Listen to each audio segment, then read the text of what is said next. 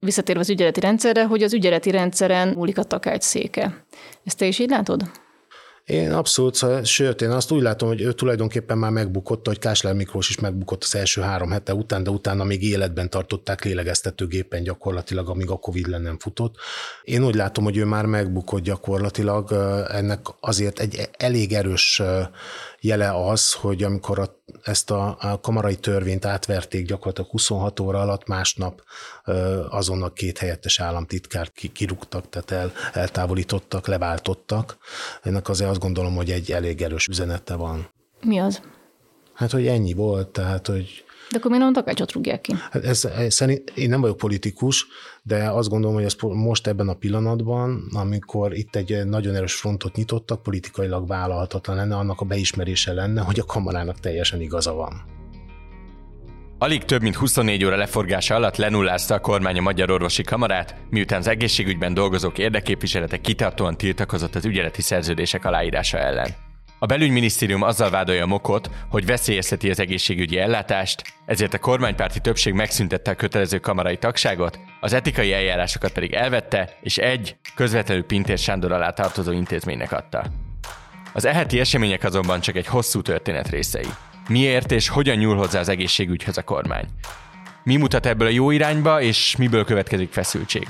Kik a történet főszereplői, és ami a legfontosabb, mit jelent ez a betegeknek? A mai adásban összefoglaljuk, mit kell tudni az egészségügyi rendszer átalakításáról és a kormány és a kamara között kialakult feszültségről. Ebben segít nekem Kunec Zsombor egészségügyi elemző, üdvözöllek a stúdióban. Jó napot kívánok, üdvözlöm a hallgatókat. Valamint kollégám, Vindis Judit. Szervusztok! Én Nagy Iván László vagyok, ez pedig a Fülke, a hvg.hu közéleti podcastja. Meddig kell visszamennünk, ha meg akarjuk érteni, hogy miért gázolt át a Magyar Orvosi Kamarán a kormány? Miből álltak például a tavalyi év végén elindított egészségügyi átalakítások, amelynek része az is, amelyből most a feszültség született? Tulajdonképpen az új, a Magyar Orvosi Kamarának az új vezetésének a megválasztásáig kell visszamenni, hiszen ezzel egy olyan vezetőség került pozícióba a kamarán belül, aki nem a kormány kinevezetje, vagy a kormánynak a, kvázi a hűbérese volt, mint az előző vezetés szerintem. Itt már érződött, ugye amikor, amikor a Kincses Gyulát megpróbálták személyében lejáratni, még itt a kamarai választások előtt érződött a némi feszültség, de Kincses Gyula pontosan azért lett ennek a kamarának az elnöke, mert ő egy olyan típusú személyiség, aki, aki megfelelően higgadtan és, és tisztességesen tudja képviselni akár az orvosok, akár a saját véleményét. Így elég sokáig, elég békésnek tűnt a kamara és a, a, a kormány, vagy mindenkor éppen ugye az előző inkompetens miniszter egymás mellett élése, bár voltak csörték, voltak nézeteltések, és a kamara is kifejezte nagyon sokszor egyet nem értését az egészségpolitikával kapcsolatban, de ilyen mély eszkalációra nyilvánvalóan csak most került sor.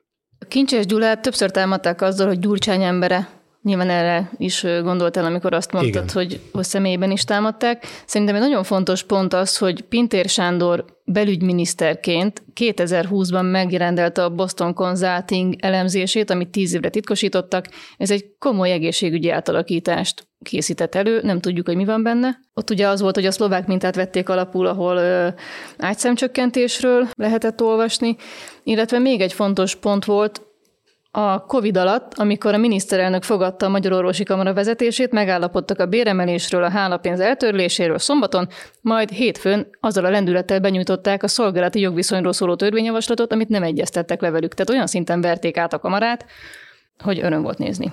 Most akkor válaszuk ezt ketté, Boston Consulting és a, a kamara ügye. Azt most már tudjuk, és még például Takács Pétertől tudjuk, aki a, a kamarának a decemberi élőközvetítésében elkotyogta azt, hogy a Boston Consultingnak az anyagát azért titkosították, mert kórház bezárásokról volt benne szó. Egyébként maga a szerződés a Boston Consulting azt is lehet tudni, azért ezt a céget bízta meg a belügyminisztérium annak idejében a, ennek az anyagnak az elkészítésével, mert az volt a felütés, hogy úgy csináljanak egészségügyi reformot, hogy ne kerüljön pénzbe mint a szlovákoknál, ahogy mondtad. És épp ezért került a Boston Consulting a közepébe ennek a történetnek, hogy ők csinálhatják meg, mert ők, is, ők adtak a szlovákoknak is hasonló tanácsot. Na most még egyszer az anyagot azért titkosították, mert azt mondta Takács Péter, politikailag nem volt vállalható az, amit elírtak, mert a Boston Consulting is felfogta, hogy ennyi kórház fenntarthatatlan egy ekkora országnak, egy ekkora büdzséből.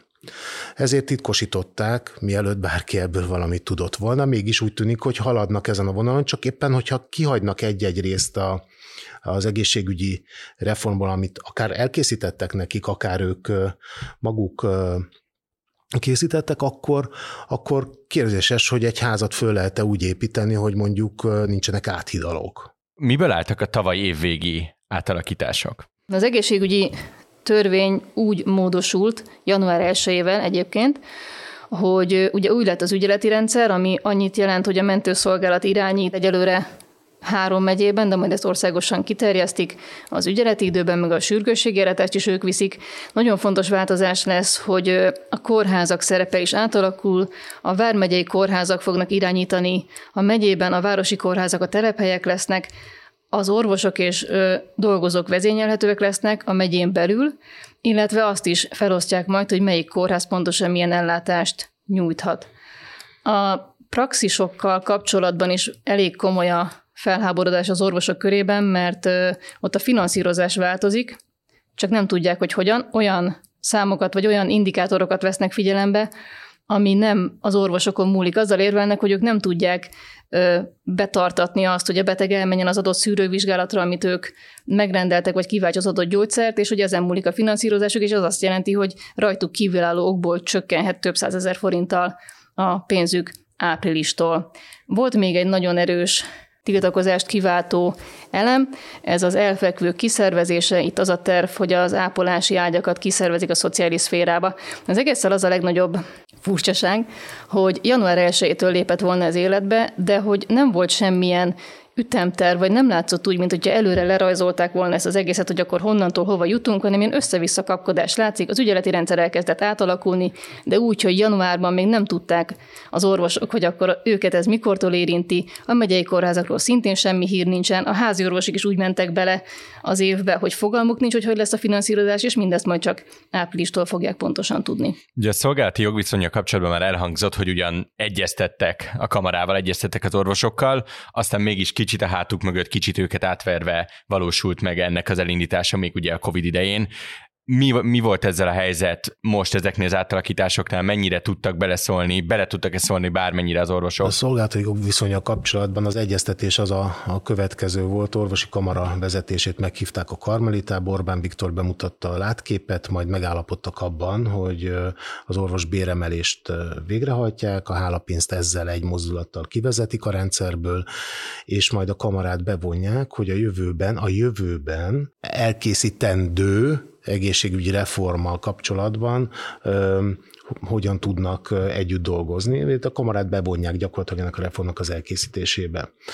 Ezek után ez volt szombaton, elment a vasárnap, a vasárnapi ebédelés a misével, majd utána, fordítva, majd utána hétfőn a kamara kapott egy anyagot, amire három órát, három órát adtak ez volt a szolgálati jogviszony. Három órát adtak az, e- a, a véleményezésre, és kedden ezt már meg is szavazták, és kész, el is volt intézve. Tehát ezt is átverték, mint a lakáskasszák kinyírását gyakorlatilag két nap alatt. Ugyanígy.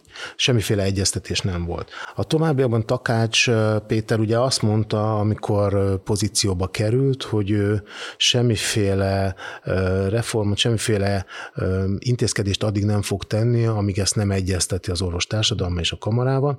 Ezek után az ő, hát én nem véletlenül hívom őt csak tanácselnöknek a posztjaimban, mert a mentalitás az, tehát nem csak a fizimiska, hanem az egész mentalitás az így néz ki, hogy ő azt gondolja egyeztetésnek, hogy elmondja a véleményét, és utána elmegy, és ez az egyeztetés. Tehát ez történt, ezt nagyon jól és dokumentáltan végig lehet követni azon, a, azon az élő Facebook poszton, amit december 22-én készített a Magyar Orvosi Kamara vele, ahol erről a az imént említett törvényről, amit felsoroltál, volt szó. Itt az egyeztetés az volt, amikor megkérdezték, ugye ami egyetlen egy rész maradt ki, az orvosok a, a magánorvosoknak a beforgatása az állami rendszerbe. Kötelező. Azt végül ejtették is. Az az egy, az, az egy ejtett. De ott is számtalan kérdés, és az összes többivel kapcsolatban számtalan olyan kérdés volt, ami konkrét kérdéseket tartalmazott, és konkrétan nem érkezett rá választ. Tehát egy ilyen tanácselnöki bullshitelés volt egész végig, majd a végén közölte, hogy egyébként is mindegy, mert már nyomdába van a, a közlöny, tehát ő már nincsen ebbe, ebbe beleszólása, tehát ezt jelenti az egyeztetés. Oda megyek, diktátumszerűen közlöm, hogy mi lesz, és aztán kérlek szépen ez egyeztetve van. Tehát ez, ez egy tömény hazugság, ez az egyeztetés. Mielőtt még tovább menjünk arra, hogy ebből az egészből miért az ügyeleti szerződések lettek a legragadósabbak, el tudjuk-e mondani a hallgatóknak, hogy jelen pillanatban ezek az átalakítások betegként mit jelentenek? Tehát, hogyha én belázasodom, vagy valamilyen fontosabb műtétre van szükségem, változik-e igazából valami az én életemben? Nagyon nehéz erre a kérdésre tisztességesen válaszolni, pedig azért, mert ezek az ügyeletekkel 20 éve probléma van. Tehát ezek 20 éve hol rosszul, hol, hol, hol működő, hol nem működő rendszerek. Ez egy a mentőszolgálat mellett egy párhuzamosan futtatott, kvázi a sürgősségi ellátás logója alá betolt rendszer, amit vagy külső vállalkozókkal, vagy a helyi házi orvosokkal, vagy az önkormányzat által ott delegált orvosokkal oldottak meg, ha megoldottak egyáltalán, mert nagyon sokszor nem volt orvos, még csak mentőt is sem mentőápolóval oldották meg. Tehát a kérdés, hogyha onnan indulunk el, hogy szükség van erre, tudjuk-e ezt fenntarthatóan működtetni, akkor erre az a válasz, hogy nem, erre nincs szükség, nem tudjuk fenntartani. De miatt ezt a választ kimondjuk, Bocsánat, mit, mi az, amit nem tudunk fenntartani? Ezt, ezt, ezt, az, ezt az ügyeleti rendszert. A házi, házi orvos ügyeleti, ügyeleti rendszert, és nincs is rá szükség. De miatt ezt a választ kimondjuk, előtte meg kell vizsgálni, hogy milyen olyan intézkedéseket kell hozni, amelyek kiválthatják ennek a struktúrának a helyettesítését, amikor szükséges. A, a, a skizofrén helyzet ebben az egész történetben, hogy maga az államtitkárság sem tudja, hogy mit jelent ez az ügyelet. Fogalma nincs róla. Hiszen az egyik oldalon arról beszél, hogy a házi orvosi ügyelet meghosszabbítása, amely nem tartalmaz sürgősségi ellátást, tehát ne izguljanak a házi orvosok, csak majd receptet kell fölírni. Hanem a másik oldalon meg azt mondja, hogy a, amikor aláírja a házi orvos ezt a szerződést, akkor megkapja a munka tehát gyakorlatilag a munkát, a munkaköri leírást az országos mentőszolgálat, ahol feketén-fehéren ott van benne, hogy már pedig vezényeltő sürgősségi ellátás. Tehát, hogyha most ez sürgősségi ellátás, akkor ezt toljuk át a mentőszolgálatnak, amit előtte meg kell erősíteni, ebbe a mentőszolgálatba ezt nem lehet beépíteni. Itt mind menedzsment szinten, mind, mind humán erőforrás szinten minden sok mindenféleképpen meg kell erősíteni.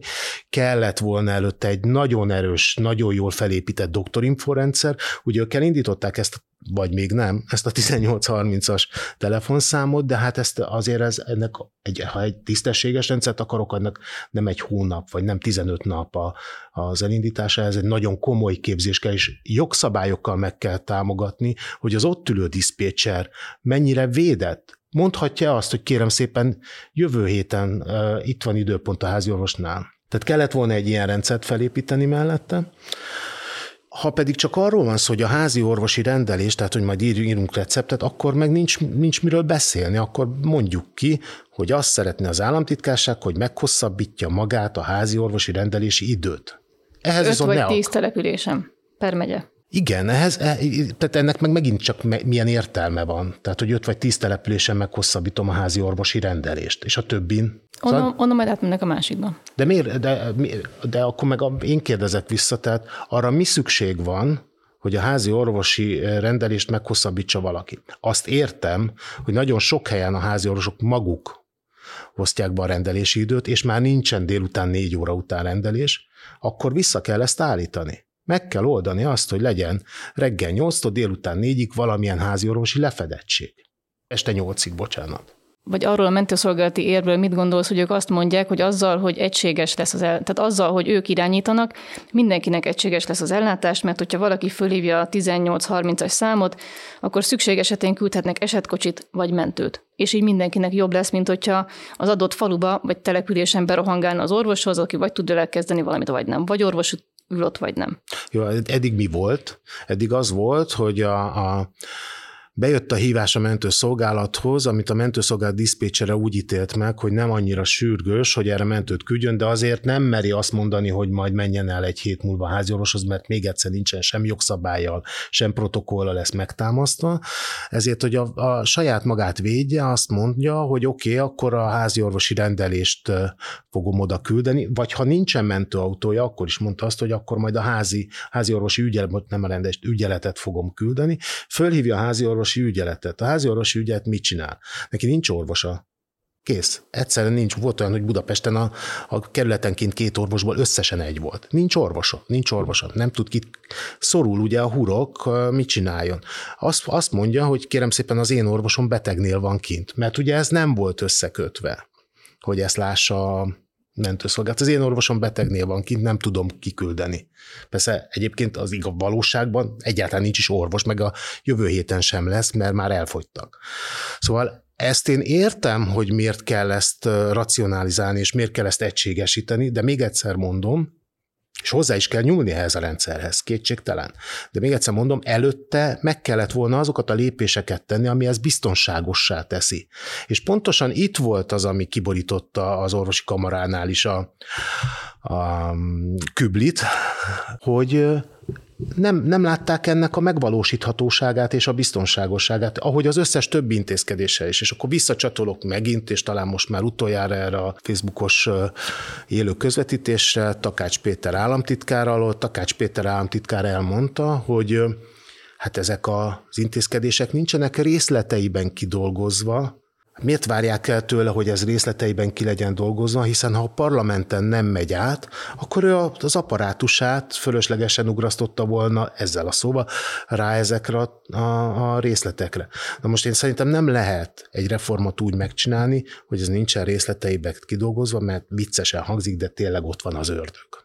Bocsánat, még volt egy kérdésed, hogy a műtétekkel mi van. A műtétekkel még nincsen semmi. Tehát a műtétek azok ugyanúgy zajlanak, mint eddig, de itt a fő cél az az, hogy a komolyabb ellátásokat a centrumkórházakban vagy a vármegyei kórházakban végezzék, amivel egyébként nagyon sokan egyetértenek, hogy valóban koncentrálni kell ezeket az ellátásokat. Illetve, de ezt is. Tehát megint úgy próbálunk, ezt tegnap mondtam, hogy házat építeni, hogy, hogy, hogy, hogy, hogy a tetőnél vagy a kéménynél kezdik, és a probléma ott van, hogy akkor rendben, valóban én azt teljesen fölöslegesnek látom, és teljesen nonsensnek látom, hogy mondjuk egy, ez a paraszolvencia következménye volt, ahol mindenre ugye ráugrott minden orvos, hogy megoperálja, mert a majd a hálapénz, ami most már nincs. Hogy mondjuk egy sebészeti centrum, egy központ, egy egyetem mit keres ott sérműtét? Tehát egy egyetemi intézményben ilyen nem. Ez a sérműtétnek egyébként nem is kellene, hogy a megye intézetben történjen meg. Ezeket a sérműtéteket meg kellene csinálni az egynapos sebészeti ellátás közben, ami nem létezik. Tehát akkor innen kellett volna megfogni a dolgot, hogy hol vannak ilyen központok, ahol egynapos sebészeti ellátást is mit tudom én, akár 12-16 órában pörgő egynapos ellátás műtéteket tudok csinálni, és oda kiszervezni ezeket. Ne kerüljön be. A centrumba az kerüljön be, ami bonyolult, ami, ami sokkal összetettebb tudást és összetettebb orvosi támogatást igényel, mert ez szolgálja a betegbiztonságot. De ez nem történt meg. Tehát hát valószínűleg csak még, vagy hát nem tudom, hogy később lesz, de hogy most még biztosan nincs. A részletek nincsenek kidolgozva. Jó, és akkor térjünk is vissza az ügyeleti szerződésekhez. Miért pont ez az átalakítás ütötte ki annyira a biztosítékot a kamaránál, hogy kezdeményezzék azt, hogy, hogy tegyék letétbe a felmondásukat a kamarai tagok, és miről szólnak a MOK követelései azon túl, hogy ebbe így, ahogy most van, ne menjünk bele? Beszéltem Kincses Gyula kamarai elnökkel, a küldőgyűlés után, ahol megfogalmazták azt a követelést, vagy azt a kérést, hogy ne írják el az ügyeleti szerződést, illetve az önkéntes túlmunkára vonatkozó szerződést helyezzék letétbe, és ő azt mondta nekem, hogy azért ezt az ügyeleti szerződést támadták, mert hogy ezzel nem veszélyeztetik a betegellátást, mert hogy itt akkor tulajdonképpen csak annyi lesz, hogy majd akkor később fogják tudni bevezetni országosan, akkor mondja azt mondja, hogy igenis veszélyeztetik a betegellátást. És a fő kifogás az az, hogy teljes bizonytalanságban vannak az orvosok, amit már mondtam, hogy a praxis finanszírozás átalakításával több százezer forintot veszthetnek, a rezsit nem kompenzálja nekik igazából senki, mert az önkormányzatok nem tudják, pedig nekik kellene. Szóval ezek a fő problémák valójában, meg tényleg ez az átláthatatlan bizonytalan helyzet, és így ezzel próbálnak nyomást gyakorolni. És ugye ez a rendszer most ettől függetlenül már pilotként is, és már élesben is működik Hajdubihar megyében, ott, ott mik voltak a tapasztalatai ennek az átalakításnak? Ha működik. Erre, ezt nem tudjuk, hogy mennyire működik, mert erről nincsenek adatok. Azt tudjuk, hogy amikor a, a pilot projektet el akarták indítani, és el is indították, akkor olyan ö, személyzet hiány volt, hogy az ország összes részéről mentő orvosokat vezényeltek oda, sőt, még magának a menedzsment egy részének is ö, Hajdubiharba kellett mennie ügyelni. Ö, valószínűleg ezt utána úgy oldhatták meg, hogy orvosok helyett mentőtiszteket vezényeltek, tehát delegálták a feladatokat lefele.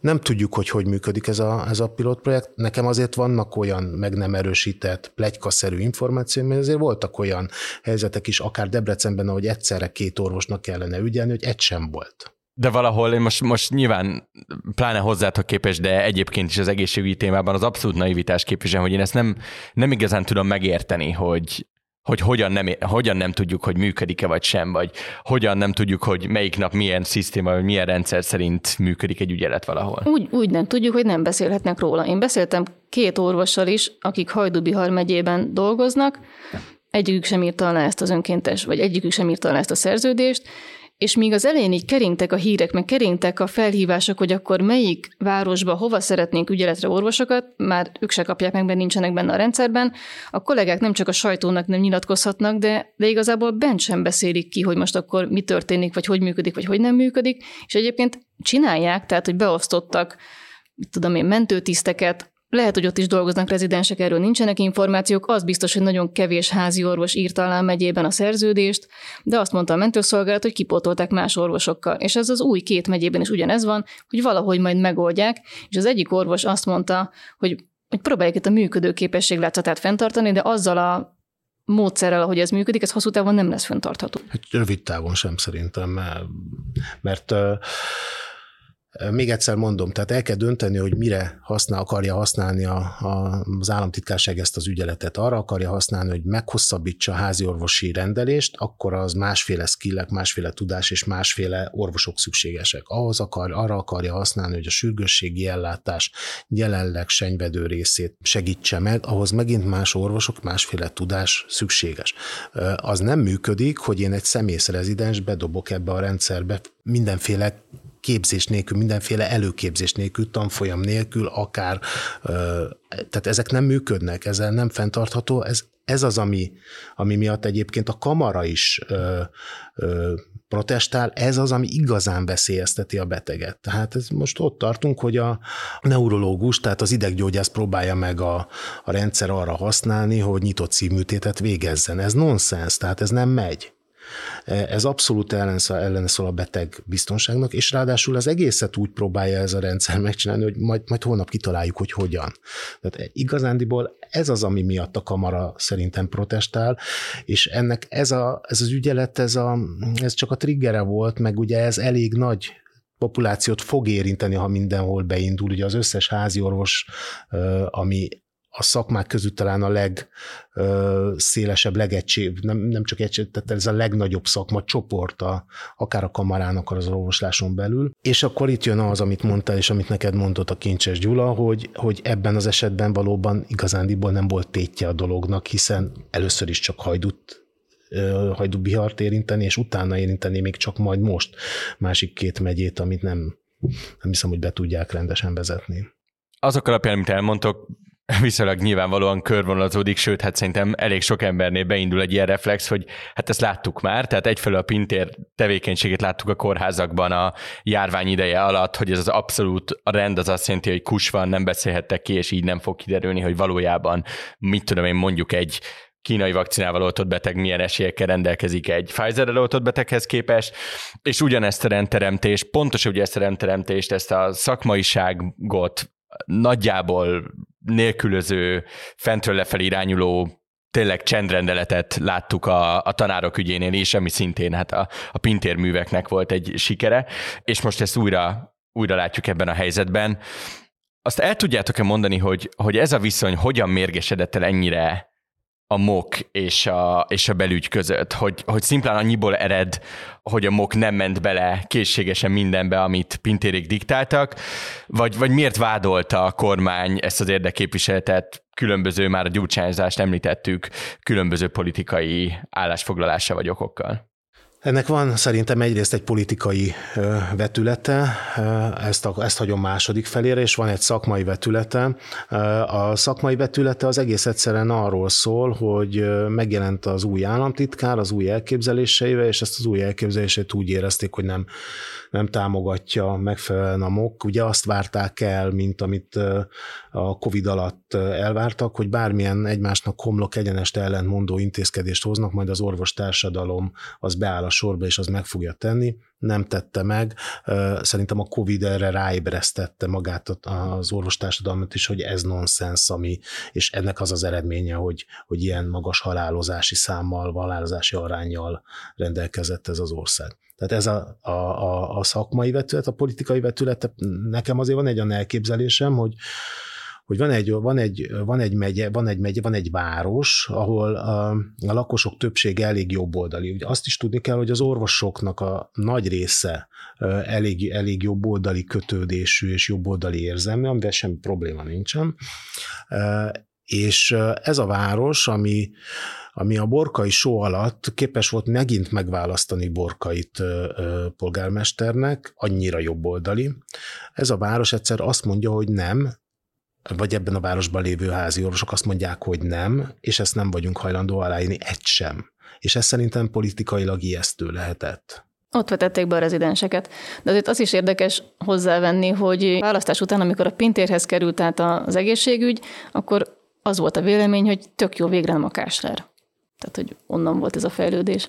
A másik meg, és erről majd szeretnénk később... Bocsánat, nem akarlak itt keresztbe szakítani, csak ehhez még van egy fontos kérdésem, hogy hogy arról tudtak-e röviden mondani valamit, hogy miért van a magyar mindenféle közellátásban, most az egészségügytől az oktatáson át bármeddig egy ilyen állandó, ilyen gigareformfét is, nem tudom, ilyen revizionista vezetése ennek, hogy mindig mindent újra fenekestül, miért nem lehet valamilyen inkrementális erőlelépést csinálni ebben a rendszerben, bármilyen közellátási ügyben? Ez nem működik. Össze, ezek összeomlott rendszerek gyakorlatilag, akár az oktatást, akár az egészségügyet nézzük, ezek, ezek összeomlott rendszerek.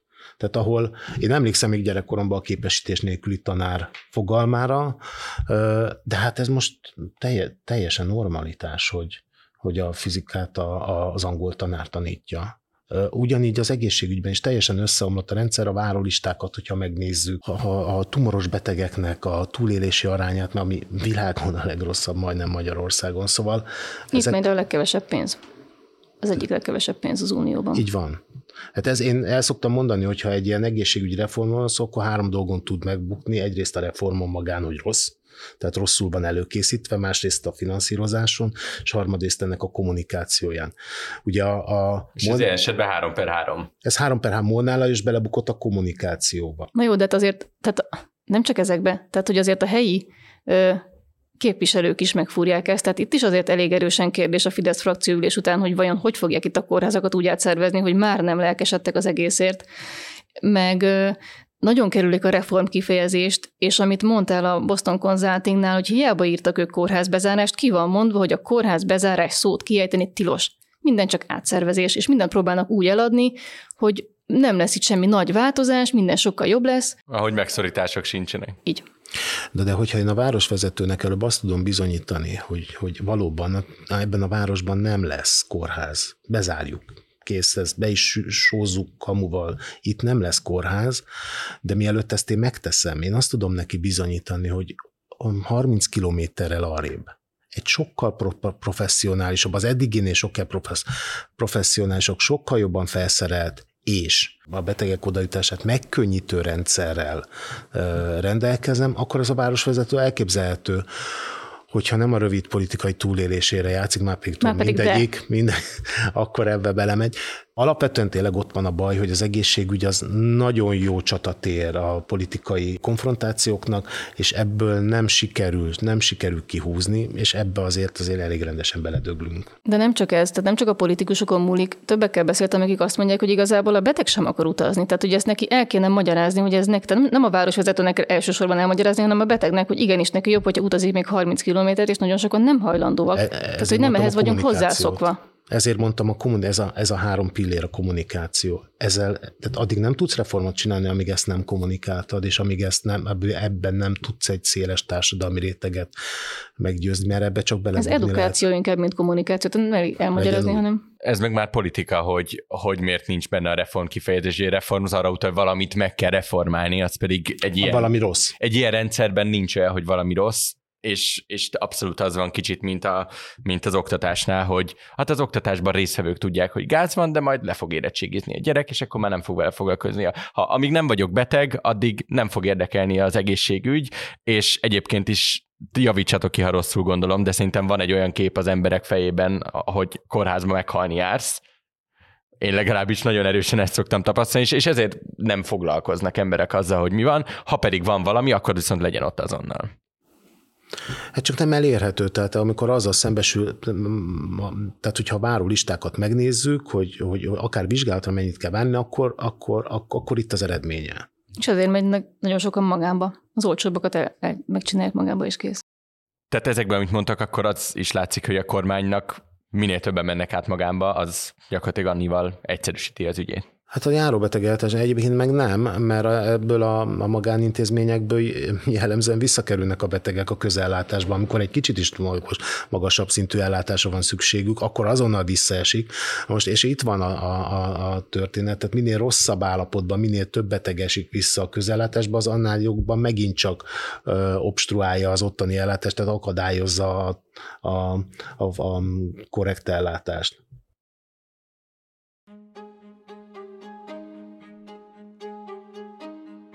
Szelektíven gyűjti a hulladékot? Visz magával vászontáskát a boltba? Van, hogy otthon hagyja a kocsit, ha a városba megy? Remek kezdés, a folytatásban pedig segítünk. Újraindítottuk a hvg.hu fenntarthatósági podcastját, a Zékasztot. Műsorunkban annak járunk utána, hogyan érinti a mindennapi életünket a klímaváltozás, miért fontos az élő természet megóvása, és hogyan tehetjük élhetőbbé, jövőbiztosabbá környezetünket egyszerűen a mindennapok részeként. Iratkozzon fel, és tanuljon új dolgokat a fenntarthatóságról. És mindezekre, amit most eddig említettünk, történt az hét elején, ami ami egyszerűen szürreális azt nézve, hogy jelenleg az Unió egyik legnagyobb problémája a magyar kormánya, hogy semmiről az égvilágon nem egyeztet, és egy nap alatt ver át törvényeket, és ezt most nem sikerült egy nap alatt kivitelezni, mert azt hiszem 26 órába telt, hogy az ötlettől a kivitelezésig gyakorlatilag megszüntessék a moknak a súlyát. Mi változott pontosan a kedden elfogadott törvényben, és miért fontos a kormánynak, hogy, hogy bizonyos jogköreit vagy erősítő tényezőit elveszítse a kamera. Viszonylag egyszerű a történet ennek a törvénynek, arról szól, hogy a eltörli, és csak itt, és csak a Magyar Orvosi Kamaránál, tehát ugye szóval azért is értetetlen, mert ugye úgy néz ki a kamarai törvény, az egészségügyi kamarákról szóló törvény, amiben van még kettő, a MESZKA, a szakdolgozói és a gyógyszerészeti kamara, és a Magyar Orvosi Kamara, és csak a Magyar Orvosi Kamarára kiterjesztve eltörli a kötelező kamarai tagságot. Itt álljunk meg egy pillanat, és utána menjünk bele. Itt azért mielőtt ebbe tényleg részleteibe belemegyünk, ezért ez, ez rendkívül nem, nem is azért félelmetes, mert ezzel meg kinyírja az orvosi kamarát, hanem betegként. Betegként ez a szervezet volt az, ami valamiféle kontrollt jelent minden orvosi ténykedés felett. De azt mondtad, hogy nem volt minőségbiztosítás, tehát amikor erről beszéltünk, akkor azt mondtad, hogy az a kamarai tagság nem jelent egyfajta minőségi garanciát. Féket jelent féket jelent, és, és, és azt gondolom, hogy, hogy, hogy nekem nagyon sok gondom van az etikai bizottság, vagy volt az etikai bizottságot, de itt is jelent ö, ö, féket. A minőségi garanciát valóban én azt önmagában azt, mondta, azt mondom, hogy a kamara valamiféle minőségi garanciát kell, hogy jelentsen, hiszen eleve azzal, hogy kiszűri azokat, akik a legdurvább etikai cselekményeket tették, és azokat kiszűrés nem engedi a tagjai közé, vagy, vagy felfüggeszti, vagy kizárja, ezzel igenis azért minőségi biztosítást is jelent. Igen, akkor én ezzel tévedtem, ez nem gondoltam ezt teljesen végig, jelent. De ugye az etikai eljárások is megmaradnak, csak nem a kamara végzi majd, hanem az egészségügyi tudományos Na, tanács. És akkor most szedjük szét, akkor kezdjük innen. Az egészségügyi tudományos tanács, aki mondjuk egy gyógyszerbefogadás, tehát egy, egy, vagy egy nem gyógyszerbefogadás, ez egy gyógyszerkísérlet, vagy egy egészségügyi eszköz bevezetése az, azzal végzendő kísérletnek a, a etikusságáról dönt, hogy ezt lefordítom. Van egy gyógyszer, ami úgy tűnik, hogy a betegeknek most nagyon egyszerűen fordítom le, jó? Mondjuk tíz éve meghosszabbítja az életét, de, nem, de ezt hogy próbáljam ki? Most kipróbálhatom egy kettős vak kísérlettel, amely azt jelenti, hogy kapnak betegek ebből, nem tudja a beteg, hogy mit kap, és a kezelő orvos sem tudja, hogy mit kap. Az, a betegek fele kap placebót, tehát hatóanyag nélküli ugyanilyen kiskék kapszulát, és a másik, másik fele a betegeknek kap nem placebót, hanem, hanem hatóanyagot tartalmazó kiskék kapszulát, és akkor, akkor azt tudjuk, hogy erősen sejtjük, hogy ez a kiskék kapszula meg fogja mondjuk tíz évvel növelni az élettartamát a betegnek.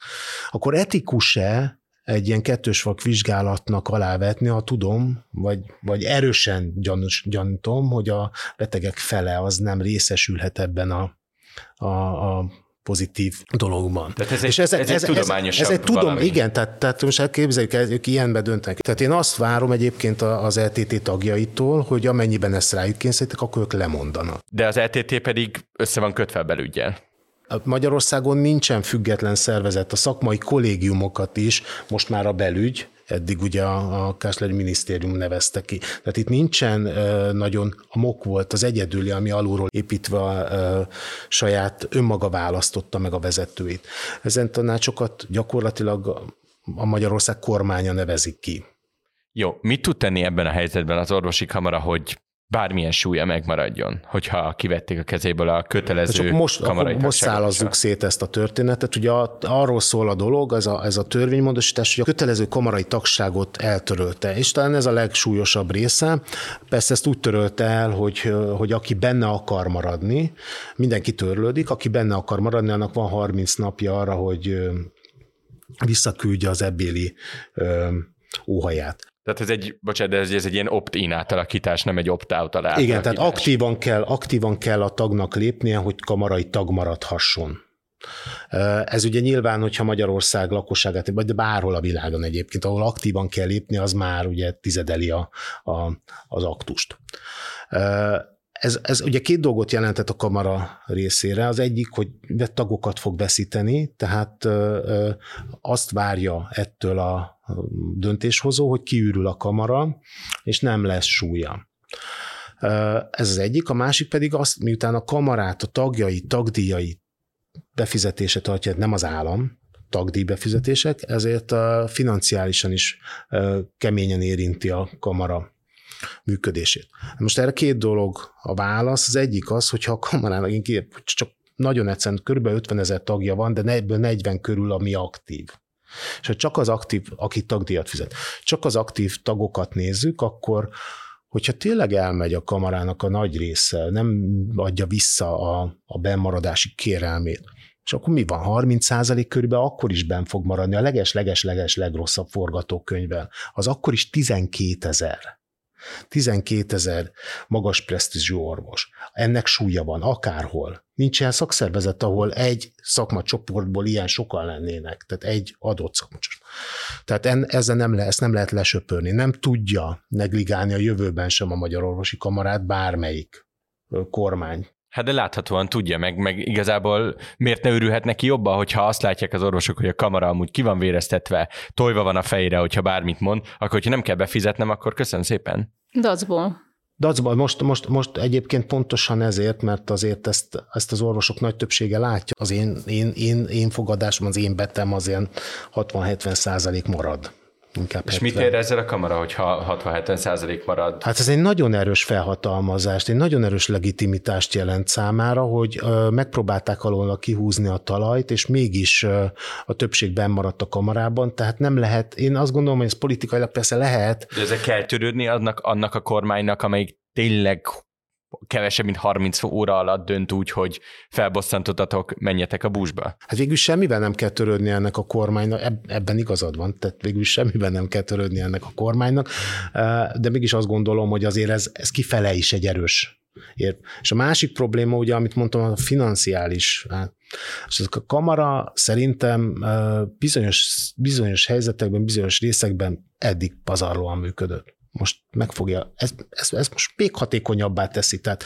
azért volt ez egy öngól, mert szerintem nem lehet negligálni a jövőben sem, ahogy egyébként eddig sem, eddig is mi volt, amíg kötelező volt a tagság, csak javaslatot tehetett a kamera, nem volt vétójoga egy-egy törvénye vagy jogszabálya kapcsolatban, belmondhatta a javaslatát. Ez továbbra is megmarad, de önkéntes alapon vannak benne az emberek. Ez adja a felhatalmazást.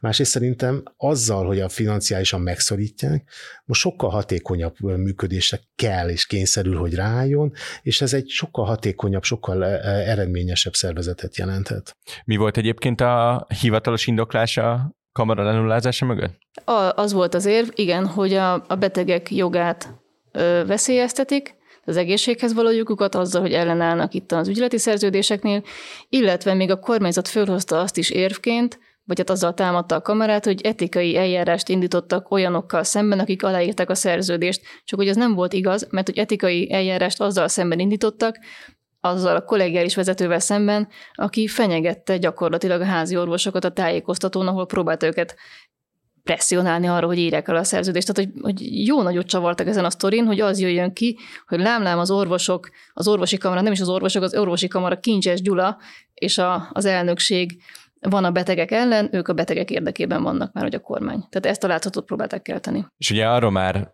beszélt Zsombor, hogy ez egy öngól volt, és az öngól az még máshol is visszaüthet, ugyanis a kamara ellehetetlenítése az visszavezethető arra, hogy az uniós pénzek is tovább csúszhatnak. Pontosan hogyan függhet össze ez a mostani kavarás az egészségügyel és a kamarával, mindazzal, ami egyébként a, a brüsszeli elvárásokkal kapcsolatban magyar jogállamiság és átláthatósági szinten történik. Úgyhogy az volt a fő elvárás, hogy legyenek egyeztetések a törvényjavaslatokról, és itt pont nem tartották ezt be. Csak ugye Gulyás Gergelynek volt egy korábbi megjegyzése a katatörvényel kapcsolatban, azt is villanygyorsan verték át, hogy kérem, amíg nincsen megállapodás az Unióval, addig ránk ezek nem kötelezőek, tehát az az elvárás sem kötelező, hogy legyen egyeztetés. Hát közben azt meglátjuk, hogy az Unió hogy reagál arra, amikor a, a kormány pont ezzel az érvel még kijátsza a kiskapuit, mert ez most pont arról szól, hogy ezeket a kiskapukat zárják be Európából. Ráadásul én szerintem azt elég nehéz elmagyarázni, hogy egy olyan törvény, ami az egészségügyi kamarákról szól, és amelyben három kamara van nevesítve, abból egyet kiemelnek, és egynek a, az átdolgozását végzik el. Tehát ez nagyon, ez, szerintem nehéz ezt elmagyarázni. Amikor Gyurcsányék alatt megszűnt a kötelező kamarai tagság, mind, akkor mi mind, volt? Mindnek. Uh-huh. De hogy akkor az orvosi kamara mennyire maradt erős? Azt hiszem, hogy olyan 70, 70 vagy 80 százalékban marad benne a, a, a, a tagság. Csak ott a, a különbség volt, ugye a gyurcsányék alatt, amikor megszüntették a kamarát, ami Molnár Lajos volt és az SZDSZ-hez köthető, sokkal kevésbé, mint Gyurcsányhoz. Hát akkor ugye látta valaki a politikai mozgást, ott azért az SZDSZ volt, aki a passzát szelet volt az egészségügyben. Ott nem így volt a megszüntetés, hanem annak kellett kilépnie, aki, ha jól emlékszem, annak kellett kilépnie, aki, tehát annak kellett nyilatkozni, aki ki akart lépni. Tehát ott, ott, ott, ott, ott passzívan benne maradt a tagság. Amennyire előre látunk, két kérdésem van igazából, hogy mindennek, ami mostanáig történt, akár az elmúlt pár hónapban, akár az elmúlt pár évben, mi lehet most a direkt következménye a közeljövőben, hogyan változik akár a betegeknek, akár az orvosoknak az élete mindezeknek a hatására, és politikai fronton hogyan fog lecsapódni ez az egész szerintetek, akár a tárcán belül, akár magasabb szinteken? Én azt gondolom, hogy nem jelent jót a betegek számára. Még egyszer mondom, az egész vita, az egész kamara kinyírása mögött az át, hogy az orvosi kamara nem volt hajlandó elfogadni a bizonytalan betegeket veszélyeztető koncepciót. Ez azt fogja jelenteni, hogy valószínűleg még, még, még, még, még hosszabbak lesznek a várólisták az alapellátáshoz, illetve az alapdiagnosztikai ellátásokhoz is hosszan lehet majd hozzáférni. De hogyha megcsinálják azt, amit ők eredetileg szerettek volna, akkor meg nem. Tehát akkor Melyiket? meg ebből lehet egy jobb rendszer. Hát azt, hogy koncentrálják az ellátásokat, hogy szétszárazzák, hogy hol mi lesz, hogy az orvosokat, az ápolókat vezényeljék, hogy akkor tímeket hozzanak létre, tehát hogy ebből lehetne egy jót csinálni egyébként, ami pont a betegbiztonságot javítja, hiszen olyan kórházon megy majd műtétre, ahol szakértők De nem fogadják. lehetne. Azért alapvetően itt a fundamentumokkal van probléma. Ahogy az évvégén átment az a a jogszabályjal együtt az a, a törvénymódosítás szándék is, hogy a megyei kórházakba adják az ellátás szervezés jogát, itt megbukott a rendszer. Tehát ez az, ami megbukott. A megyei, mert a megyei kórház egy játékos ebben. A megyei kórháznak az alapvető érdeke az lesz, hogy ő fent tudja tartani a működését, minél, min, mindegy, hogy minek a rovására. Első körben a szakrendelőkből fogja elhozni azokat az orvosokat mert, meg, és szakdolgozókat, akik, akikre számára szüksége van. De ezek onnan hiányozni fognak. Másod, másodszorban a kisebb kórházakból fogja elhozni. Most egy olyan kórházban, ami mondjuk Békés Csaba és Gyula között van, ott, ott, ott, hát ott, ott nagy dráma nem történik, mert 10 kilométerre van a másik. De mondjuk egy sátoralja újhelyi kórháznál ott már nagy dráma történik, hogyha onnan elhúzzák a, a munkaerőt, és oda nem jut mondjuk gyerekgyógyász, vagy anesteziológus, vagy bármilyen szak. De az kizárt, hogy ezt normálisan sakkozzák? Nem, nem tudja normálisan összesakkozni, mert egész egyszerűen ő, ő neki a saját szempontrendszere az, hogy a saját kórházát, ő a saját kórházának a főigazgatója azt akarja üzemeltetni, azzal akar bizonyítani. Na, csak nem, nem fogja, nem fogja. Tehát ez, a, ez, a, ez olyan, mint a hit a kommunizmusban, hogy majd akkor ő az, az ellátás akkor lett, tehát ez akkor lett volna jó rendszer, hogyha nem a megyei kórházak kezébe, hanem egy és nem megye szinten, hanem egy nagyobb térséget átöleli, régió szinten egy, létrehoznak régiós ellátásszervezőt, aki esetleg diszponálhat a házi orvosok felett is, és azt mondhatja, hogy már pedig itt ebben a részben oldjátok meg, hogy este nyolcig minden nap legyen alapellátás, hogy a beteg valóban haza a, munka után is be tudjon menni a rendelőbe. Tehát ez így lett volna, nem tudja megcsinálni ezt megyei kórházzal. Jó, de hát hogyha azt nézzük, hogy, hogy a megyei kórházakban sem lesz minden ellátás, tehát mondjuk maradott öt vagy hat szakma, a városiakban kettő, tehát azért mondom, hogy meg lehetett úgy irányítani, hogy nyilván a saját, hogyha az a cél tényleg, hogy a saját kórházon működjön, akkor az az, hogy jól működjön, de hogy a többi szakember megy máshova. Hova máshova? A városi kórházakban, ahol az X szakma lesz fenntartva. De honnan megy oda? Most ezt nem tudtam követni, bocsánat. Nem, tehát úgy, gondol, bocs, tehát, hogy úgy gondoltam, hogy, hogy én azért gondolom, hogy talán lehet még jó az a rendszer, persze értem, amit mondasz, hogy miután a megyei kórházakban is csak, mit tudom én, öt vagy hat darab szakma marad, vagy öt vagy hat féle ellátást nyújtanak, ezért a többi szakember, aki ott dolgozott, az el tud menni máshova, ahol viszont azokat a szakmákat fogják majd csinálni. És ezért gondoltam, hogy össze lehet úgy mixelni, hogy ez valahogy mégiscsak jó legyen majd a betegnek később. Úristen, igen. Tehát logi, logikusan ezt teljesen értem, amit mondasz, nem ezzel van baj, úristen. Tehát a, Isten őriz, hogy ez megtörténjen. Ez azt jelenti, hogy egy megyei kórházban lesz begyógyászat, sebészet, intenzív terápia, mert az, valami, mert az egy az anesztézia kell, és mondjuk szülészet, fülorgégészet, és akkor mondjuk nem lesz neurológia, ami nem lesz idegsebészet, az sok helyen most sincsen egyébként, de ezek a szakmák nem véletlenül központ, csoportosították a megyei kórházakba, hiszen ez egy, ezek ellátó centrumok is, tehát egy betegnek egy problémából lehet következzen más problémája is. Ezek egymásra épülnek, ezt Isten őriz. Tehát ez egyébként megint csak egy nagyon nagyon buta megfogalmazása volt ennek a törvénynek, hogy a megyei kórházban ugye a felsorolt szakmából csak ötöt kell tudni teljesíteni, ez, ez egy életveszélyes dolog. Még a, még a, a, a városi kórházban kettőt, tehát ez nonsens. Ez azt jelenti, hogy például a megyei kórházban nem lesz stroke ellátás. A stroke ellátás ez egy olyan, nem lesz infarktus ellátás. Hát vagy nem tudjuk, hogy mi lesz. De ez jelentheti ezt, és ez azt, azt jelenti, hogy ezek, ezek a betegek vagy meghalnak, vagy bénán élik le az egész életüket, holott adott esetben ezen betegek egy nagy része menthető lenne, és akár százszázalékos munkaképesek lennének. Iván szóba hozta a politikai következményeket, és volt olyan orvos, aki azt mondta, hogy visszatérve az ügyeleti rendszerre, hogy az ügyeleti rendszeren múlik a takács széke. Ezt te is így látod? Én abszolút, sőt, én azt úgy látom, hogy ő tulajdonképpen már megbukott, hogy Kásler Miklós is megbukott az első három hete után, de utána még életben tartották lélegeztetőgépen gyakorlatilag, amíg a Covid le nem futott. Én úgy látom, hogy ő már megbukott gyakorlatilag, ennek azért egy elég erős jele az, hogy amikor a, ezt a, a kamarai törvényt átverték gyakorlatilag 26 óra alatt, másnap azonnal két helyettes államtitkárt kirúgtak, tehát el, eltávolítottak, leváltottak. Ennek azért azt gondolom, hogy egy elég erős üzenete van. Mi az? Hát, hogy ennyi volt, tehát, hogy de akkor miért nem takácsot rúgják ki? Hát ez, ez, szerint, én nem vagyok politikus, de azt gondolom, hogy ez most ebben a pillanatban, amikor itt egy nagyon erős frontot nyitottak, politikailag vállalhatatlan lenne, annak a beismerése lenne, hogy a kamarának teljesen igaza van. Köszönöm szépen, hogy itt voltatok, hallgatóinknak pedig köszönjük a figyelmet. A fülke jövő héten folytatódik. Új műsoraink, az Ékasz és az Elviterre pedig már megérkezett a hvg.hu podcast csatornájára. Iratkozzanak fel és kapcsolják be az értesítéseket, hogy ne maradjanak le egyetlen adásunkról sem. Én Nagy Iván László vagyok, viszont hallásra!